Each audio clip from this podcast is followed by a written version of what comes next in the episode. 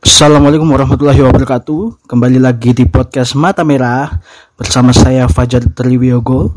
Uh, kali ini saya tidak akan membahas topik-topik seperti biasanya uh, karena setelah ini adalah sebuah record dari sesi safety share yang dilakukan oleh peserta FGWLP PT Indosi angkatan ketiga. Selamat mendengarkan.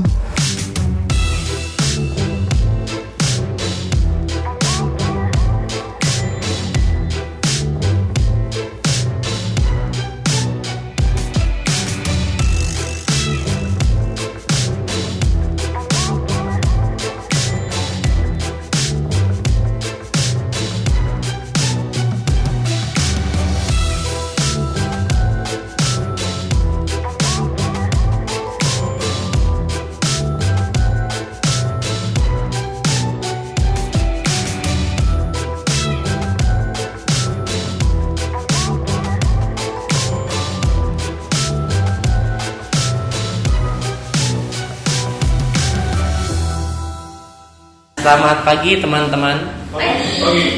Uh, sebelum kita memulai kegiatan kita, alangkah baiknya kita berdoa menurut agama dan kepercayaan masing-masing.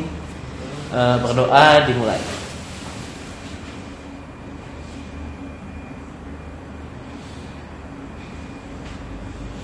Berdoa dicukupkan.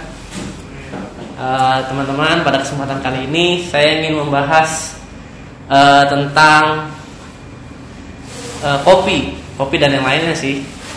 Uh, kalau teman-teman dengar kopi, apa sih yang di pikiran kepala teman-teman? Kopi. Hmm. Kopi atau sih? Kopi. Kopi ini. Hmm. Apa? Hmm. Kopi. Pre workout. apa itu? Iya, workout. Benar. Oh, pre workout benar. Nanti di apa? Kafein. Kafein juga benar. Apa kalau kopi? Pahit. Pahit. Perih di lambung. Perih di lambung.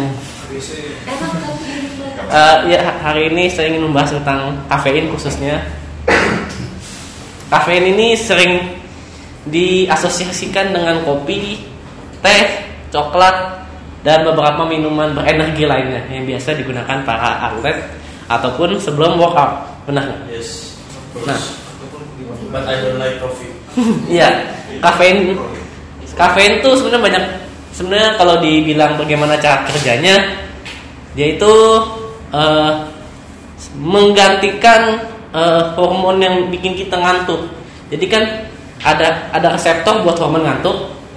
Pas kita minum kopi atau eh, minuman mengandung kafein, nah si kafein ini datang ngisi reseptor itu. Jadi hormon ngantuk kita nggak keisi. Nah, yang sering terjadi adalah konsumsinya berlebihan. Kira-kira satu cup satu cup kopi itu berapa sih kafeinnya? Ada yang punya ide? Satu cup kopi segelas yang di Joshua itu kira-kira berapa kafeinnya? Berapa Jo? Satu cup kopi berapa kafeinnya? Ah, 100 mg. Tuh, tuh. Eh, satu cup kopi itu kira-kira kandungannya. Ya, itu sekitar sebenarnya dari 75 sampai sebenarnya sampai sekitar 200 cuman kata atas 100. Nah, untuk batasnya sendiri, ada yang tahu batas kafein 400 kali. 400 mg. Cuman kita kalau benar-benar bakal overdosis tuh kita konsumsi kafein 10 gram. Nah, itu overdosis kita langsung. Anjing 10 gram. Nah, Orang adiktif sama kopi. Nah itu dia. Eh, jadi kalau yang paling sering terjadi eh, mungkin di kalangan anak muda sekarang kopi lagi ngetren kan. Selain kopi juga ada bentuk kafein lain yang sering dikonsumsi konsumsi anak muda di minuman berenergi.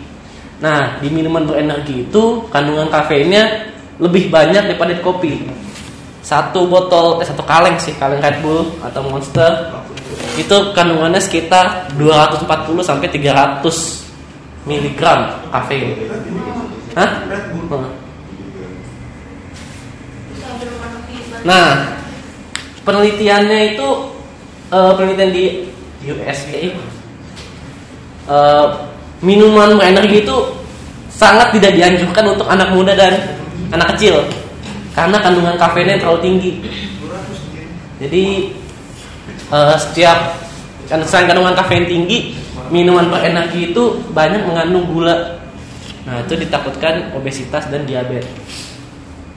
Nah, penggunaan kafein juga menjadi sebuah doping yang yang diperbolehkan di dunia olahraga. Meskipun akhirnya diat- diatur salah satu di NBA bahwa setiap atlet itu memiliki batasan kandungan kafein sebelum bermain. Soalnya kafein sendiri kan memberikan hormon adrenalin kan, Iya, supaya kita makin aware, Supaya tetap jantung. iya tekanannya meningkat. Nah, itu juga membuat atlet dapat memiliki performa lebih baik. Namun belum ada penelitian yang menunjukkan bahwa kafein memberikan dampak kepada penumbuhan otot. Jadi cuman hanya membuat dia lebih lebih tersadarkan, lebih segar gitu kan. Nah, yang sering terjadi adalah bahwa orang terkadang eh, mengonsumsi berlebihan itu karena dia minum kopi nggak ngantuk. Pas ngantuk dia minum kopi lagi nggak ngantuk. Jadi loop gitu. Nah, kadang konsumsinya berlebihan. Nah, saat dia ingin ingin berhenti, yang terjadi adalah misalkan dia udah minum eh, sebutlah 400 mg kafein atau enggak 5 gelas kopi satu hari. Saat dia ingin mencoba, dia nggak bisa tidur tuh. Eh, terus dia mau mencoba, udah nggak minum kopi lagi sehari. Dampaknya itu dia bakal sakit kepala, pusing, lelah dan ngantuk. Tapi itu hanya bertahan satu hari. Nah, lalu eh, sebenarnya kalau kafein sendiri dan khususnya kopi, kalau kita konsumsinya dalam dosis yang cukup, misalnya 1 sampai 3 gelas per hari itu banyak malah banyak manfaatnya. Yang perlu diperhatikan adalah eh, satu gelas kopi itu biasanya mampu membuat kita lebih eh, sadar itu sekitar 5 jam. Jadi perlu diperhitungkan juga jam tidur kita. Soalnya nanti kalau kita minum terlalu malam nanti malah mengganggu eh, internal clock kita, jam tubuh kita. Nantinya malah kita nggak bisa tidur di jam-jam biasa kita tidur. Nanti malah merusak ke- eh, kualitas dan kuantitas tidur kita. Nah, kembali ke minuman berenergi, yang sering terjadi juga dan teman-teman saya dulu juga pernah adalah mencampurkan minuman berenergi dengan alkohol, ngoplos jadinya. Jadi dia minum depresan dan adrenalin di, di waktu yang sama.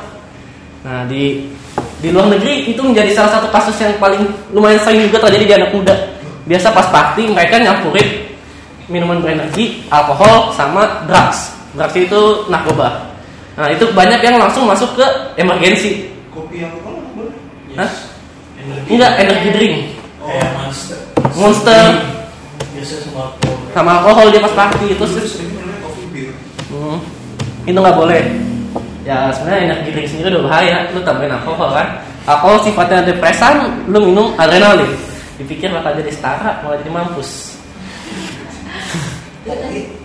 Nah, eh, jadi netral. Ya itu teori matematika ya, plus minus nol.